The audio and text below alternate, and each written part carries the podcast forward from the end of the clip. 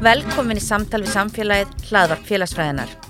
Á laugadaginn fer fram ráðstefna á vegum félagsamtakana hennar rött í borgarleikusinu og hefstum klukkan 11. Markmið samtakan er að auka vitundarvakningu meðal almennings á stöðu hvenna verðlendum uppbruna í íslensku samfélagi en á laugadaginn verður sjónum sérstaklega beint að helsu hvenna að verðlendum uppbruna. Til þess að segja mér aðeins frá samtökunum og ráðstefnunu eru komnar til mín fimm konur Það er Elin Borg Kolminsdóttir og Sjannel Björg Sturldudóttir, stopnendur samtakana, Randi Vaff Steppins og Flóra Títgen, en þær eru þáttengundur í rannsóknarverkefni sem skoðar ofbeldi gegn konum og erlendum uppruna og Núra Sima Abdul Rasid sem er leikskólakennari og tekur þátt í pallborði á lögadaginn. Ég skipti nú yfir á ennsku. Welcome and thanks for being here with me today. Thank, Thank you. you. Thank you for having us. Uh, I want to start with the two of you, Ellenborg and Chanel, as the founders of this uh, organization. Could you tell me a little bit more about it and the ideology and perhaps start with how you got the idea and mm -hmm. why it's important? Mm -hmm. Yeah, so we always say that the inspiration for this organization and, and all the projects that we've been working on it really came from my mum. um, she is a woman from originally from Jamaica in the Caribbean, but she was herself and her family um, immigrated to the UK when she was very young. So she grew up in England and lived there for most of her life. And then when she moved to Iceland after meeting my father and having myself and, and my younger sister, then she definitely experienced a lot of prejudice mm. in Icelandic society towards um, women of foreign origin and towards herself. And she felt like that was more than in the UK? Definitely more than in the UK. Um, which is quite quite interesting because um, when she lived in, in the UK before moving here to Iceland, then she was she was very much like a quite a successful businesswoman um, working in in like large corporations as a as a project manager and and with um, degrees that supported what she was working in, and coming to Iceland as a black woman and with the ideas that um, are definitely evident in Icelandic society towards um, people of different races, she felt she experienced a lot of um, challenges when it came to, for example, finding a um, just continu- continuing on her career path here in Iceland and finding um, um, jobs that were that uh, complemented her her studies and her past experience. And um, like as her daughter, I obviously experienced a lot through her as well. All of these challenges that she was facing, and she often told me about the other women of foreign origin that she was meeting um, amazing women who were experiencing the same challenges as herself. And yeah, so 10 years later, my mother has now moved back to England, and Elinborg and I, we've been friends for mm-hmm. quite, quite some time. And we were talking about this experience of that my mum was having here in Iceland and the challenges she was facing as a woman of foreign origin. And we decided that it would be really um, it would be amazing to do some kind of work with women of foreign origin and combine basically our mm-hmm. skill sets, um, mm-hmm. my family background and Elinborg's educational mm. skills. Mm-hmm. Yeah, so I came back uh, to Iceland in 2018.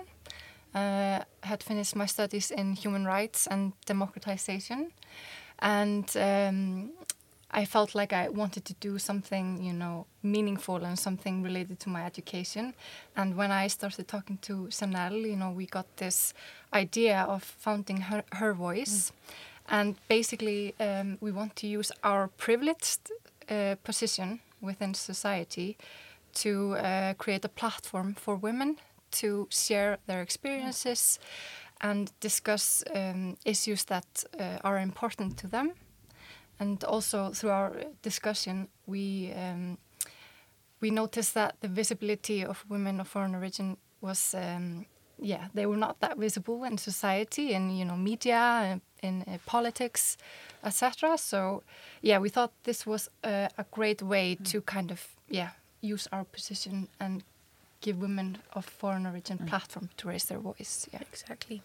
Yeah, and I think, uh, and I really like the name of the organization, Her Voice or Hennar Rödd. Mm -hmm. um, and uh, I sort of figure that it's related to, as we know, and when you talk about, you know, your privileged position, but mm -hmm. I mean, mm-hmm. we often know that those who are in more privileged position, they are maybe talking about others, mm -hmm. and many people don't have uh, equal voice in society, and some groups mm-hmm. may even really not have any voice in society. Um, so maybe you could tell me, and I know that you've been organizing panels uh, previously. Mm -hmm. uh, so can you tell me a little bit about uh, what you've done so far, how you've been giving voice to women, and what have been some of the issues you focused on so far? Yeah, yeah.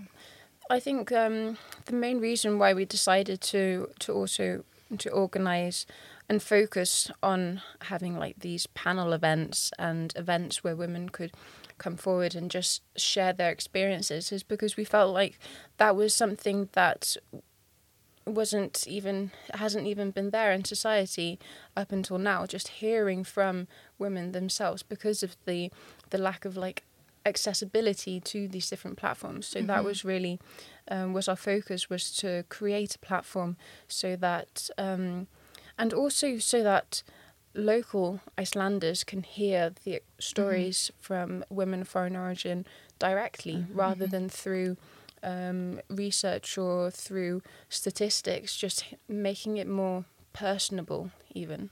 Yeah, exactly. Because I mean, there are some research uh, about issues women of foreign origin face. They are not many, but um, you know, usually we just see the numbers and you know, uh, nameless quotes. So yeah, this is, was kind of like a direct contact with mm. with the women. Um, so yeah, in 2019 we had the first uh, panel talks, uh, which was um, quite broad. We just wanted to hear about their experience being a woman in Iceland. So yeah, we discussed about a lot of issues like uh, difficulties relating to language, uh, evaluation of former studies, um, gender-based violence, etc.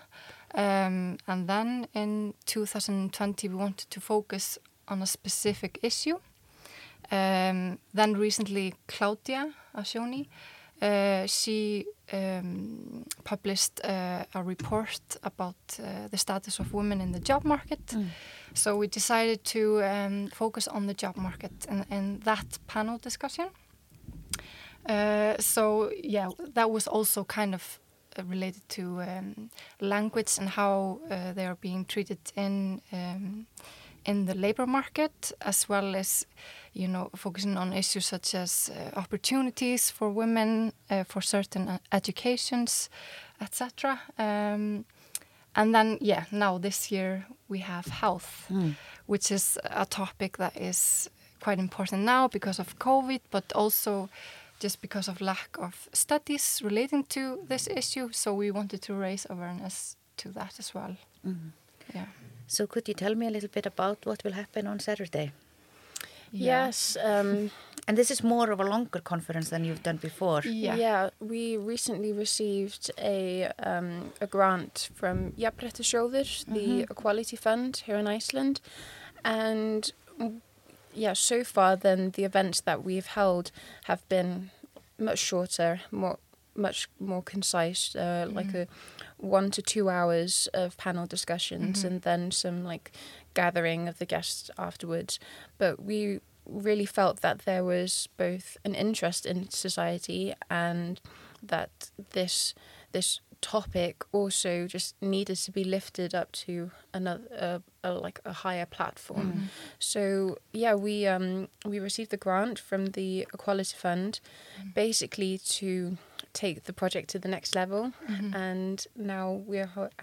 Um, going to be having a, a conference on Saturday, so there will be um, a mixture of talks from different specialists, um, researchers who have been researching um, different topics relating to the health of women of foreign origin, and there will also be panel discussions. Mm. So it will be like a I think that uh, the conference guests will receive like a very like well-rounded Mhm. idea of the experiences of women of foreign origin when it comes to health issues. And Mhm. health is such a broad topic, so that's why we can discuss it in in a, divi- a diverse way, like uh, mental health, sexual health, uh, and of course the experience of women of foreign origin within the healthcare system and how they are received, uh, cultural um, humility uh, as well. So Mhm. it's a broad topic that can be Mhm. s- discussed uh, Yeah. um, in many ways. Yeah. Mm.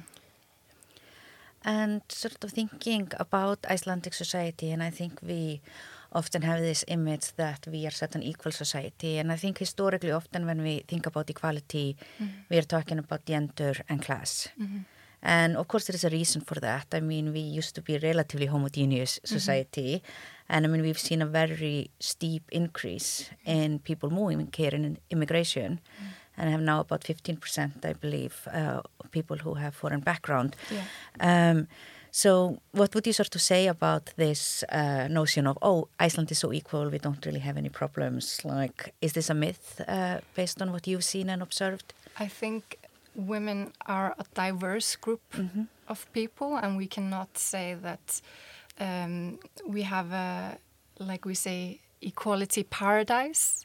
I mean, it, we have gone far, and Iceland is one of the most equal, gender equal country in the world. But because of, of course, you know, uh, other factors such as uh, origin, race, uh, also just uh, like you mentioned, Mhm. class as well, economic and social um, factors, they all affect how um, the equality of women. So uh, we can't say that uh, all women No. are equal. I think there's definitely a, a lack of intersectional thought when it comes to the feminism in Iceland. And like you say, maybe that is because we've been so, or the country has been so, so homogenous for so long. But um, I think that with this steep increase of, of immigrants and and the increase in multiculturalism Mhm. within society as well, it's becoming more and more close to Icelanders. I think every day, um, whether that's like uh, within the services that they're getting or or within the, the workplace and even just the culture in general. I mean, you can see Mhm. with just um, if you go downtown in Iceland today, you see all of these different restaurants that are owned by various different immigrants Mhm. and businesses and so on.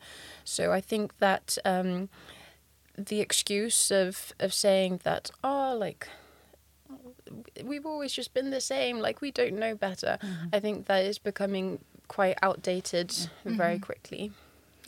Yeah, and probably never was really true. I mean, I think Exactly. we had very much this illusion of equality. And of course, I mean, if you look at, as you mentioned, Mhm. uh, some of those um, indicators that we have on income inequality or gender equality, things Mhm. are good here comparatively to elsewhere, but it Mhm. doesn't mean that they are perfect. And I think uh, one of the things that is really important as you bring up is Mhm. this notion of intersectionality. That it's not the same to be a white woman and a black woman. It's not the same to be a rich woman and a poor woman. And then, of Mhm. course, it all intersects race, Yeah. religion, Exactly. uh, gender, uh, Mhm. class. yeah. Definitely, yeah, yeah. I think it would be really interesting um, this Saturday to, to I mean, to see the guests at the Mhm. conference and also to hear the discussions Mm. that will take place, and that what our main goal is for is for this project and this conference is to just raise awareness and um, hopefully encourage people, researchers, even with the the university community here in Iceland, to to do more research on this topic because we've also been speaking. Well, we've been speaking with women of foreign origin, but we've also had some meetings within the healthcare system, and I think that um, they definitely realise as well, um, in relation to Mhm. this topic of health, that and and the healthcare services that women of foreign origin and immigrants in Iceland are receiving um, poorer healthcare Mhm. services than than local Icelanders, Mhm. Mhm. and it's definitely something that we need to we need to address as soon as possible.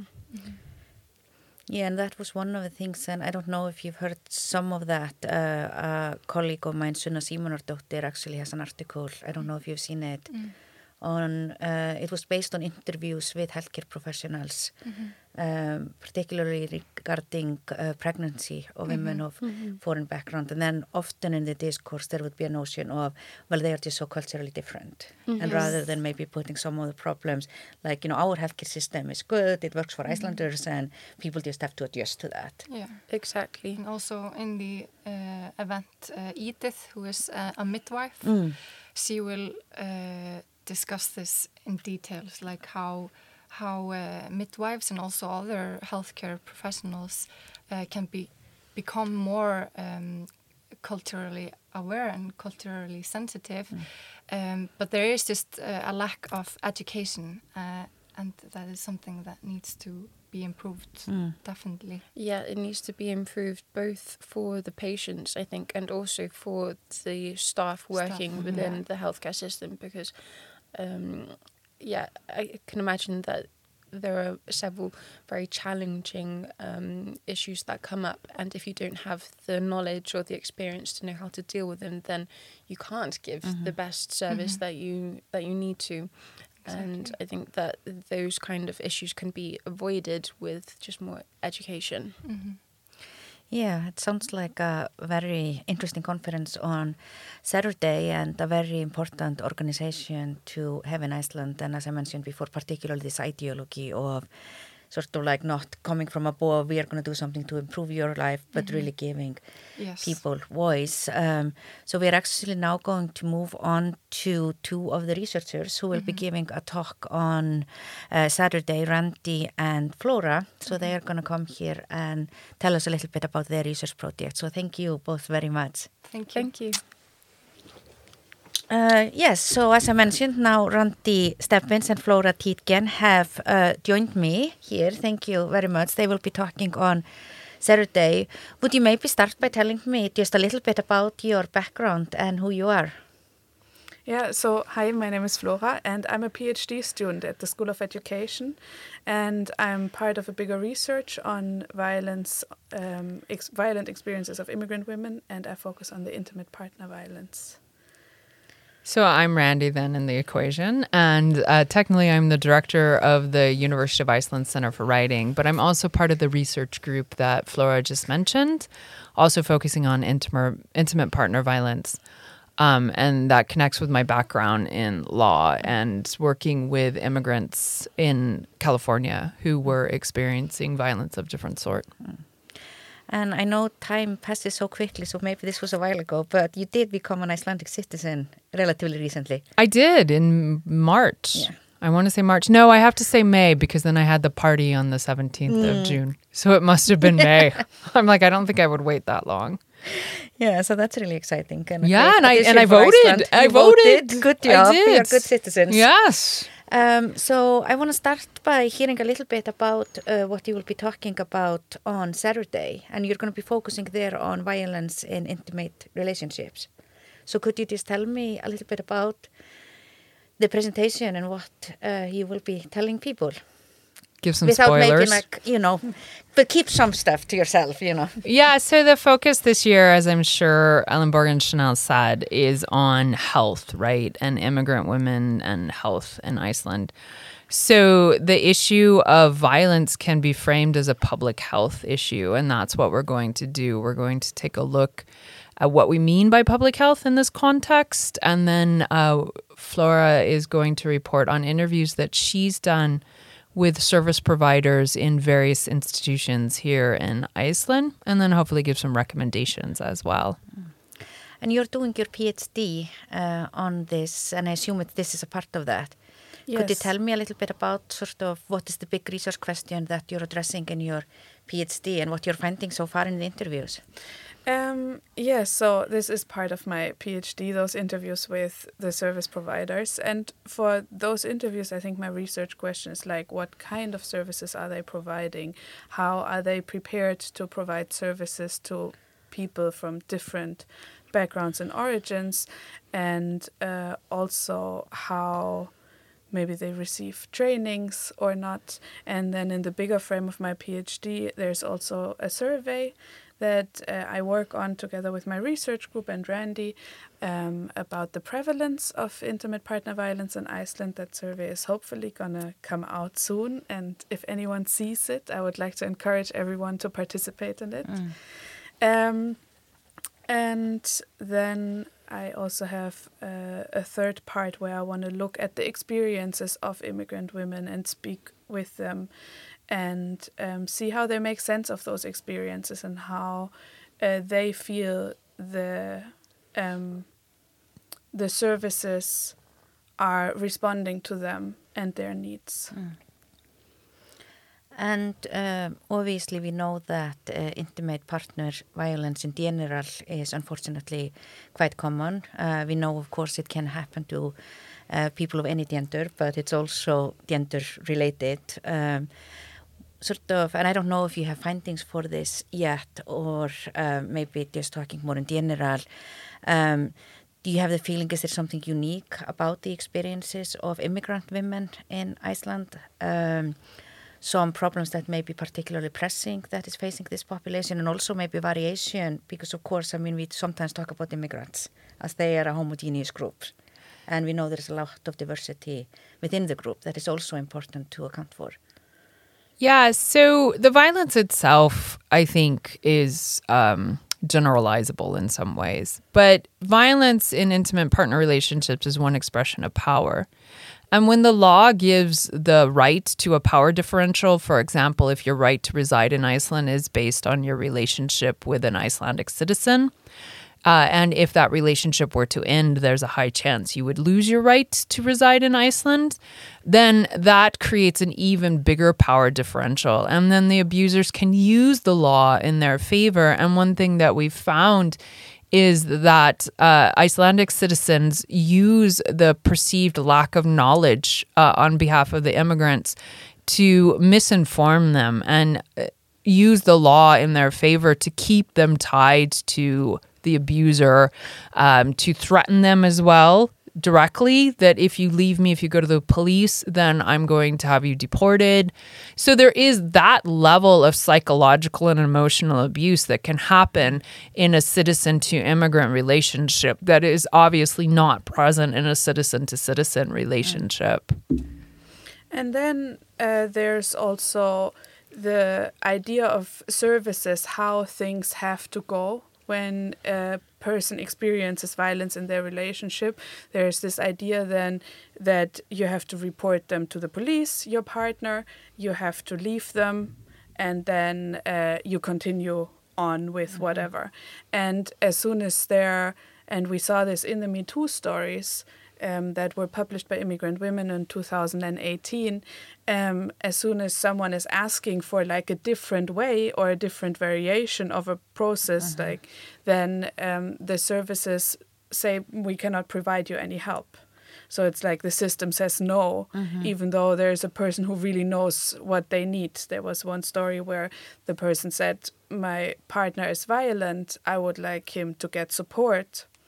And um, the institution they spoke to just said, but then you have to report him to the police, otherwise we cannot do anything. Mm. And that's one of those examples where um, the woman actually knew what, what she wanted and tried to receive those services, but didn't get them. Mm-hmm. And I think that that's um, an issue that is um, prevalent among the mm-hmm. services. Yeah, there's also a focus on uh, immigrant women, and I think immigrants in general, needing to know their rights. And that shifts the burden of society, right? It no longer is society's responsibility to help people who are in difficult positions. Instead, it shifts it to the people who are in those difficult positions and says, well, if you just knew your rights better, everything would be fine, mm. right? Uh, and that is I think, unrealistic for one thing. And it's just not the proper response, especially in cases where people are facing very traumatic events. It should be, and this is the sort of public health part, it should be society coming in to mm-hmm. say, we're going to support you. You know, we're here to support you through this time so that then you can go on Um, we're not talking about the right to enroll your kid in school, though that can be, you know, quite a sticky thing. We're talking about like the right to live free from violence. Uh, I think everybody maybe knows that that is the case, but if society doesn't support you in having being able to express and live that right, then it doesn't matter what your rights are, and it doesn't matter if you know them or not. And perhaps I think what you are getting to are some of these complexities uh, that we may have these rules and we may sort of have this idealized version of how the world should work. And uh, I remember, uh, for example, when we first sort of started to talk about violence against women in Iceland, and the rational thought is often, well, you know, the person who is being, um, who is like experiencing violence, you just leave. Mm-hmm. Like you know that's just a rational response. That's what you do. And then of course we know there are a lot of other concerns. I mean including financial emotional children. I mean you can probably come up with hundreds of reasons. And in some ways it seems like what you're saying is then being an immigrant and experiencing it in another society is just adding like even more depth and sort of complications um, and complexities to this. Yes, especially because it seems like the women don't always receive the services that they ask mm-hmm. for, or even worse, get discriminated against by institutions. Mm-hmm. And institutions just, yeah, discriminating them, not treating them well, mm-hmm. and not, um, yeah, providing them the services that they ask for. And I think that's for sure an added level to uh, the whole experience of an immigrant woman in the system. And I think it's really important, as you were saying, and I mean, obviously, all three of us have had experiences of being immigrants, and in all cases, very privileged immigrants. And I Yes. mean, I still remember what uh, 21 year ago, for instance, trying to get a phone in the US and how difficult that was. And then you can sort of think about, like, you know, I was a privileged graduate student dealing with the system, having a lot of information. And then you add uh, other factors, and including, as you mentioned, being in a traumatic uh, experience. I mean, it's not really easy to go and deal with the system. You're not going to go and sit down and spend a day reading all of the rules and regulations. And you're probably very often going to be broken when you get responses like this. Like, you should know this, or this is what you should do, uh, without that being the reality of what you see as possibilities. Well, I think what it takes for a person in a violent relationship to reach out to an institution, and if we add upon that an institution in a country where they're not familiar, or maybe they don't speak the language, um, and then to be told, well, I'm sorry, you're just not doing it the right way, so we can't help you, is just further marginalizing and possibly re traumatizing that person, right? They came so far. Like this rational thing, I, I always think about, well, rational in whose situation? Exactly. You know, um, and then to hear, well, you're going to have to leave, right? And then you're going to have to report your spouse to report. Well, if your spouse is another immigrant, that report could get them deported, and that could mean deporting you too and your family, you know. So, in that situation, the rational reaction is not to report mm-hmm. your spouse to the police, right? It's a very different calculus that they're mm-hmm. doing that is perfectly rational in the reality that they're living in. So to superimpose the standard Icelandic reality on that and not take a look at the at the forces at play in individuals' life is irresponsible. Mm. especially as the Icelandic way also doesn't always work even for like Icelandic mm. women who who are in violent relationships. It's also not like a hundred percent of them are just like, oh okay, violence, I'm leaving.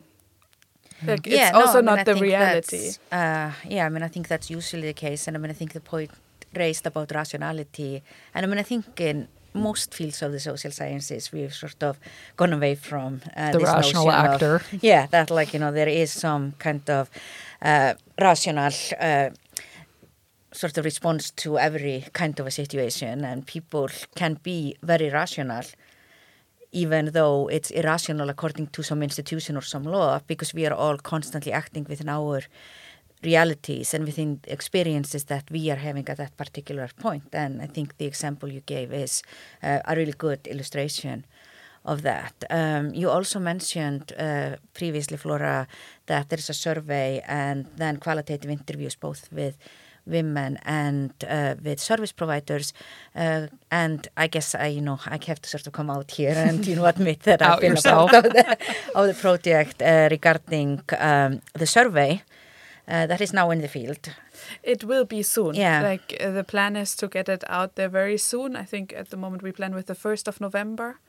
And uh, then we will advertise it wherever Yeah. we can. And we're trying to um you know in an effort to meet eh, the diverse population of immigrants that are here in Iceland we're trying to translate it into the most common languages mm-hmm. spoke here spoken here. So that takes some time Yeah. right? And we need to make sure that because it is a very sensitive topic and it can be very difficult uh, the wording in each language really matters. How we ask the questions really matters. So that uh, puts additional time but it's the first time that a survey of this breadth has been done in Iceland with the immigrant population on this issue. So we're very excited to reach out to people and get people uh, to take the survey. Uh, and we appreciate everybody's time who does it because we really want to look at uh, the breadth of what people are experiencing and then use the interviews to go for the depth of the experiences as well. Mm. And when Randi says people, she means all immigrant women in Iceland who live here for whatever mm-hmm. long time. So it's really a very open survey, mm. and it's just about the experience of living in Iceland with your partner, but also in your workplace. Yeah, and maybe you could uh, tell me a little bit about what kind of things you're trying to get out of the survey and you bring in the workplace here too. Um, and also thinking about uh, that we know, and I mean, this is becoming a huge problem in surveys in Iceland that we are not reaching the immigrant population. So, how are you sort of addressing that? And I mean, I think both in terms of um, the immigrant, uh, just getting immigrants in general, uh, but also particularly women who may be living under violence. It's not necessarily going to be possible to take the survey at home uh, with like the entire family. Um, and I think that you sort of got to that, but I think it's really important to mention with a survey because often you might think about, oh, I have to have had some of those experiences, but you really are looking and wanting all immigrants, women, partly to be able to measure some of the frequency of different experiences. So it's really important that some who have never had this experience participate. Yes, so um, we would like everyone or any immigrant woman to just take the survey because it's about the experience and we want to look at the frequencies. So we want to look of how many people have experienced something and how many also have not experienced something. And as Randi said, we're going to have the survey in six or seven different languages to try to reach also the different populations and different languages so people can take it in whatever language they are comfortable at. And um, in order to reach the population, we thought about this for a really long time. And I think sometimes we are still thinking about it because it is very challenging to reach that population. And we decided that for us, the best way is just to have it very open and just to advertise it through websites, through social media, and come onto podcasts or um, uh, newspapers to um, communicate it into the different channels. Yeah, and also work with partners who are well connected in the immigrant community. So, for example, ASÍ, the umbrella organization for the unions, recently, I think that's it, um, you recently just had great success with the response rate on immigrants and the wor- immigrants and the workforce. And I reached out to him. I said, How did you get this response rate? You know, and they told us. And so they're like, We'll send your survey out too, right? So just identifying those points where immigrants are already having contact, Yeah. right? And I think what's unique about our research group is that we're a mix of immigrants and Icelanders. And often this type of research is done Icelanders to immigrants, which is a bit of a turnoff, I have to say. As an immigrant, I'm like, oh, okay, I'm done. I'm done being your test subject. So we're hoping that our positionality as far as being immigrants um, can help people understand why this research is important and can help people maybe identify and see themselves in it as well and be like okay i'll take it you know? And i think it also on the issue of like who wants to take it or who we would like to have take it, definitely any immigrant woman. Because we're talking about violence here, but what that means to me and what that means to Flora and what that means to you, Sigrun, maybe three different things, right? So the questions we're asking are actually very nuanced questions about mm. actual things that are happening to human beings, not what their definition of violence is.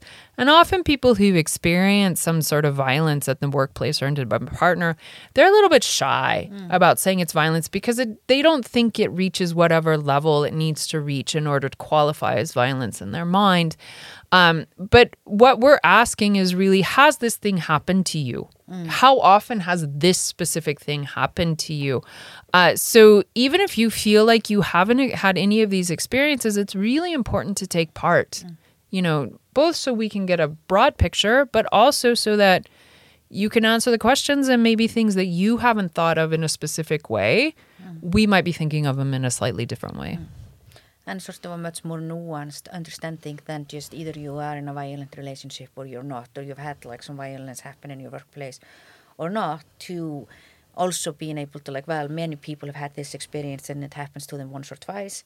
And then we have uh, hopefully a very small part of participants, but unfortunately we know there will be some who may be experiencing a wide array of forms of violence on very regular basis. Mm-hmm. Yes, definitely. So we have around, I think, 30, 35 questions about really a lot of small nuances to really get a broad picture and also what people experience, as Randi said, they would not maybe categorize as violence. Maybe we wouldn't categorize some things as violence, but it's just about the experiences that they made, where whether it is in the partnership or in the workplace, because that's what we are interested in. We are not necessarily need to sit down and say like these people all experience violence, but the nuances are really uh, what matters to us.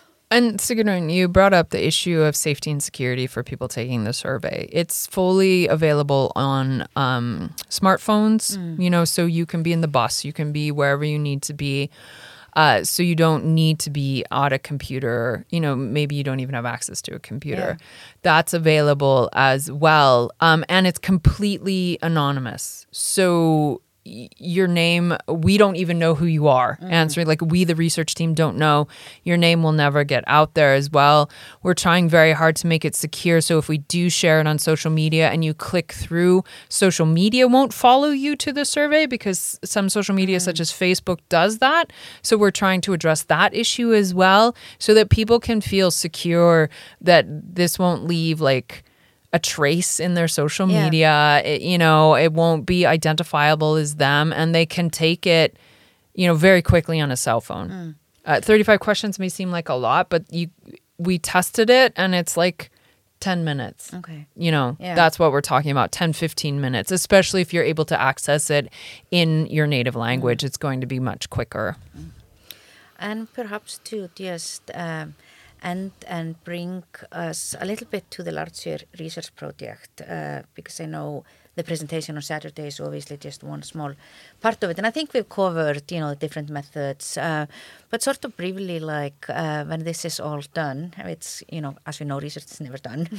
Uh, but what do you think that uh, we will have out of this research project at the end? And what is sort of like the end goal of um, getting this information and doing all of this research. I think one of our goals is to understand the experiences of immigrant women on a large scale and to talk about them and to um, use those results and the results from our conversations with service providers to make recommendations on how service can services can be more cultural sensitive can be maybe have a different focus to provide services that are appropriate for people from very different backgrounds and origins. A hundred percent. And I think part of what we're doing too is to counteract this Nordic paradox, right? Where gender equal societies have high rates of violence against women. Um, and also to disaggregate. You know, so you said that often immigrant women are just lumped together as a whole. Well, when dealing with uh, violence, intimate partner violence, and workplace violence, often women are just lumped together as a whole. So we're trying to like pull that out and ask also questions that then we can say, okay, you know, maybe if you self identify as part of group X, you have a higher prevalence. Or if you self identify as group Z, you have this kind of prevalence going on. And I think for me, uh, it was really striking when the 2018 stories came out the Icelandic response was a lot of shock and surprise. Mm. And actually, in the 2020, was it 2020 or 2019, Me Too conference, you know, Katrin Jakobsdottir even repeated multiple times that she was so shocked and surprised. And nobody that I spoke to in the immigrant community was shocked and surprised, you know? And so I think we need to be a little pushy mm. at like not letting the dominant society stay in this position of shock and surprise and say we need to move on now. You know uh, we need to do something. We've we've gotten over the shock. Let's move forward and try to figure out how we can address this issue as well. Yeah, I think those are great uh, words to end with your parts of it. Uh, and uh, I'm sure that the uh, presentation on Saturday will be very interesting and let alone what we will learn from the larger research project. So thank you so much for Thank being you. here with me today. And we are now going to get our final set of uh, people uh, talking with us here. Uh, so we now have Nuroshima joining us, and Elinborg has actually joined her as well to close up here uh, with the third set of respondents, if we can say it so. And maybe Nuroshima, if you could just start by telling me a little bit about yourself, how you ended up in Iceland, and how long you've been here. Okay, well, I've been here for the past 25 years, and the reason I was here was because I met my then ex husband online while I was studying in the States.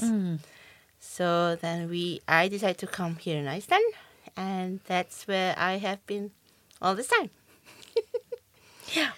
And um, I think it seems like there is a wide array of reasons for why you're going to be a part of the panel on Saturday. Uh, you've both done a lot of work with different organizations, but you also got diagnosed with cancer Yes. 10 years ago. Yes.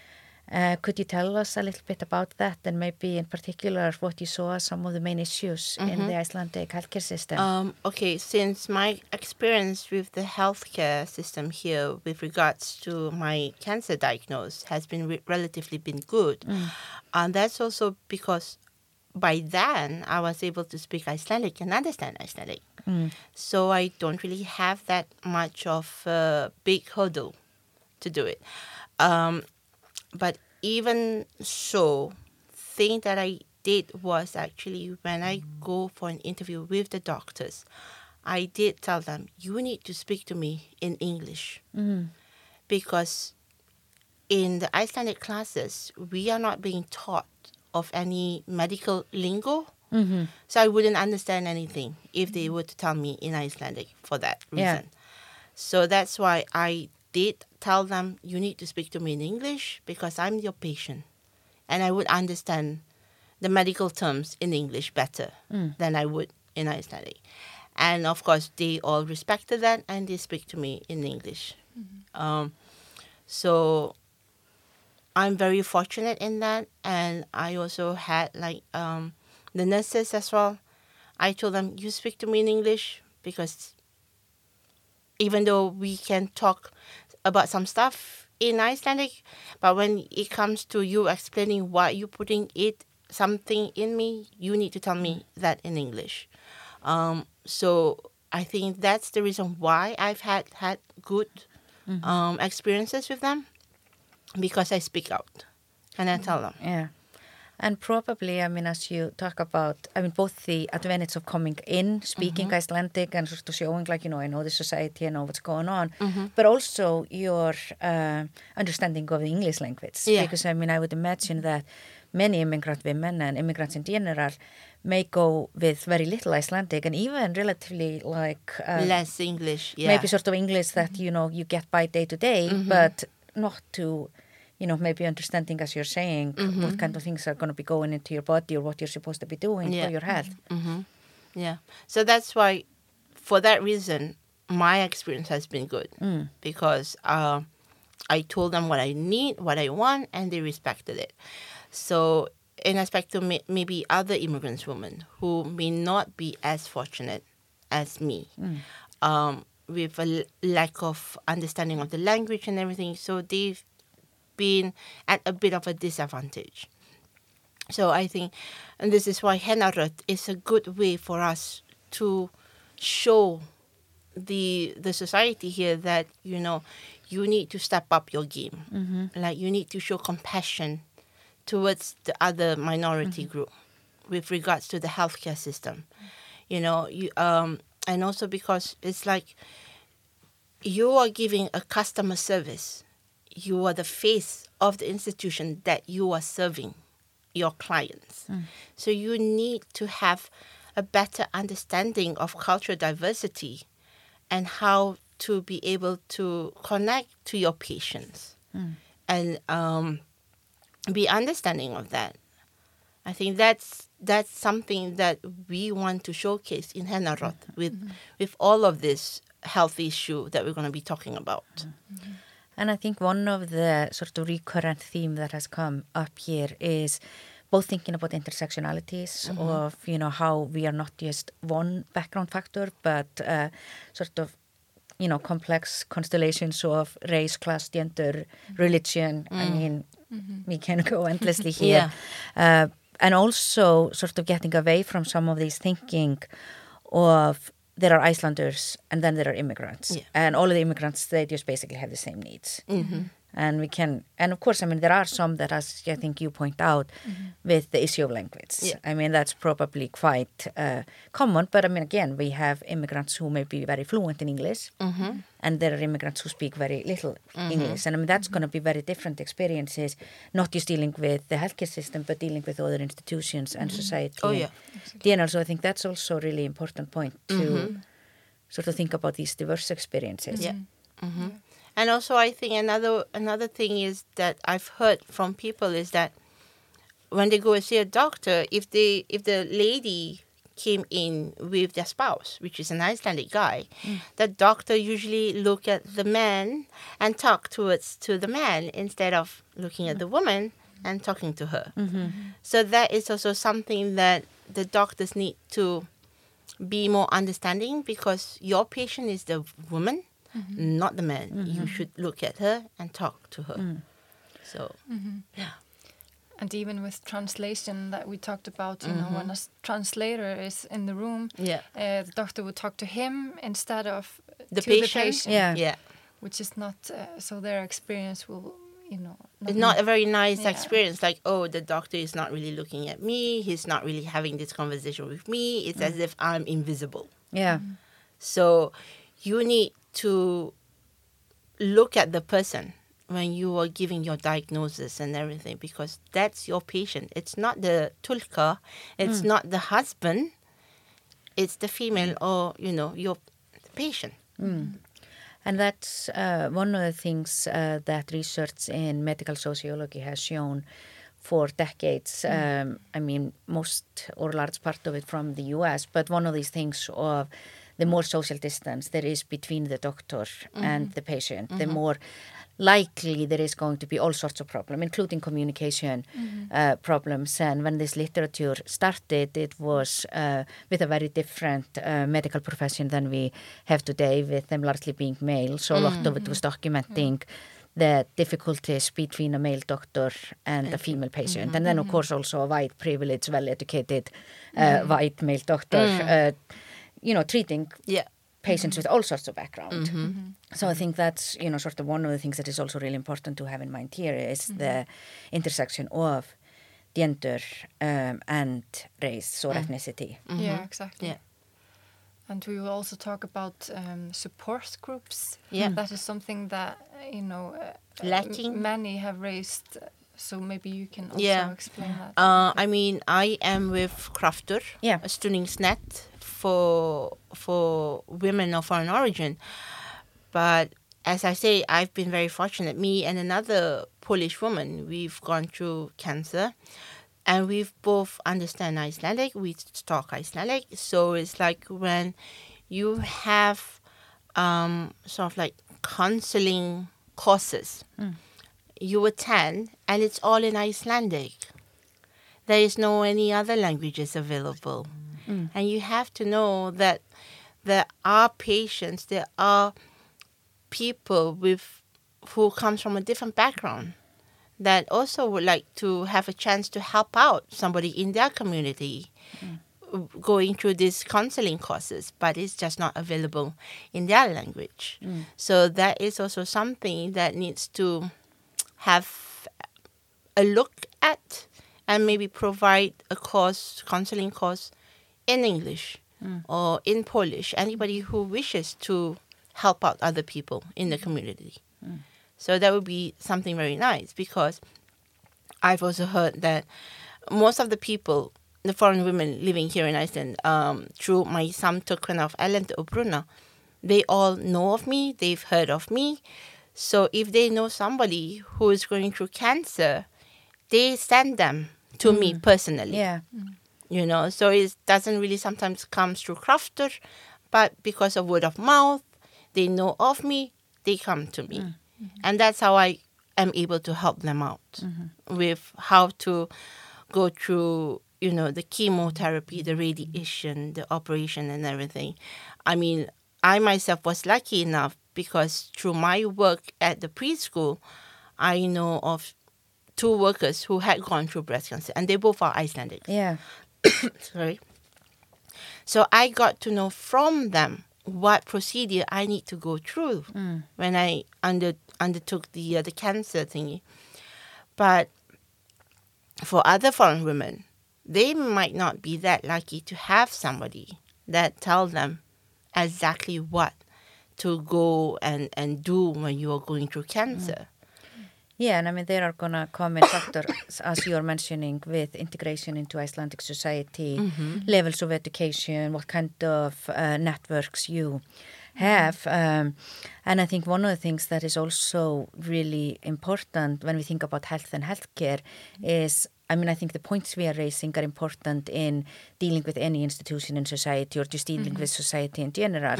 But I mean, we know that we usually interact with the healthcare system because something is wrong. Mm-hmm. Mm-hmm. So we may be facing a lot of uncertainty, we may be really scared, there may be a mm-hmm. lot of emotions, we may be getting difficult diagnosis. So I mean in that sort of a setting, I mean this becomes even more pressing. Yeah, Yeah, exactly. it's very because I mean it's like if somebody has a bad experience the first time they went in, you know, they would be very reluctant to go back again mm. because they didn't have a good experience the 1st time mm-hmm. they went there. Yeah. So that is why, like I say, it's a customer service. Healthcare is a customer service. Mm. You have to treat your customer with respect and, you know, with a smile, mm. basically. You don't come into a store, you know, basically when you go to a store, you see everybody smiling at you and say, Can I help you? You know, with a smile. It's the same thing that goes with the motakari, the reception in the healthcare system. You have hmm. to have a smile. You have to have, hi, good morning, you know, something like that. Not like, what's your kennitala? Yeah. It's like, come on, you need to have some good customer hmm. service. If you don't have that, somebody might not have a good experience. Hmm. And you don't want that, mm-hmm. you know? So I think the whole healthcare system needs to be rechecked and reevaluated how you are serving people of foreign origins living here in Iceland and, and also to your own local Icelandic mm-hmm. people because I think I know some people also have not very good experience mm-hmm. because the the receptionist will be like, "Hvað kennir tala hjá þér?" Mm. Not saying with Yeah. smile or anything, you know. Yeah, and I mean, I think that becomes very important in also a more heterogeneous society and uh, when you have more of different experiences because I think many Icelanders are maybe used to this. Yeah. and don't get quite upset at it. And I remember when I moved to the Midwest and I mean in the beginning I was just like why are they all asking how I'm doing? And why are they all smiling? Like just give me the service. But I didn't have to live there very long to like actually come back here and just you know life is so much more pleasurable when you have Yeah. this attitude. Yeah. Uh, and then of course in particular when you have groups who feel very unwelcomed mhm. into the system uh, mhm. because they are not used to Yeah. being treated. Yeah, talk mm-hmm. about That's that, right. about your experience in the Midwest. I mean, I was studying in the States, in Michigan, where everybody is like smiling at you. Hi, how are you? You don't even know them, and they're mm-hmm. just, you know, saying that. And you say, How nice to meet you, and all this stuff. So when I first came here to Iceland, I was walking down Laugavegur. I just smile, you know, when you see people. They all start staring at me like I'm, who the hell is this woman? That is not the Icelandic way. so I got like a bit, oh, okay, now I know I'm not supposed to smile when I walk down the mm. Laugavegur. yeah, it took me a little bit, little while to realize when they asked me how how are you, that they didn't really want the answer. So like, you know, then I would go on for like 15 minutes and just tell them everything about my struggles. um, so there are like important cultural um, differences, but maybe going uh, sort of towards the end back to the conference on Saturday, Yeah. like. Um, what are you really hoping to get out of Saturday, both maybe the day itself, but also uh, For the future. for the future? Yeah. I mean, first of all, just to raise awareness to this um, subject, as well as, um, you know, influence possible, you know, policy changes. But I think it all starts also with research. I mean, that's what we're really hoping to get that people are interested within the university society that, you know, making more research uh, related uh, relating to health and women of uh, foreign, Foreign origin. origins. And also another important part of Hennarat is just um, uh, Tengslanet. Uh, Support So net. ne- networking. Yeah, networking. Networks, yeah. and that's been very important part of our uh, like events. Um, so we will also have lunch at the conference and then a cocktail hour after it. So that will be a great way to discuss yeah. uh, what's been you know happening at the event and network. So that's also very important. Yeah, well, that sounds like it's going to be a really excellent Saturday, and probably a lot of people will be interested in attending. And then, mm-hmm. of course, as you mentioned, I mean, Saturday is one day that is raising awareness mm-hmm. and mm-hmm. networking and these various important things. But of course, the ultimate goal is to change society in the long run and making Exactly. it more inclusive Yeah. for everyone. Yeah, Accessible for everybody. Yeah. Yeah. Well, thank you so much for being here with me today, and I look forward to hearing some of the presentations. Thank you. Thank you for having us.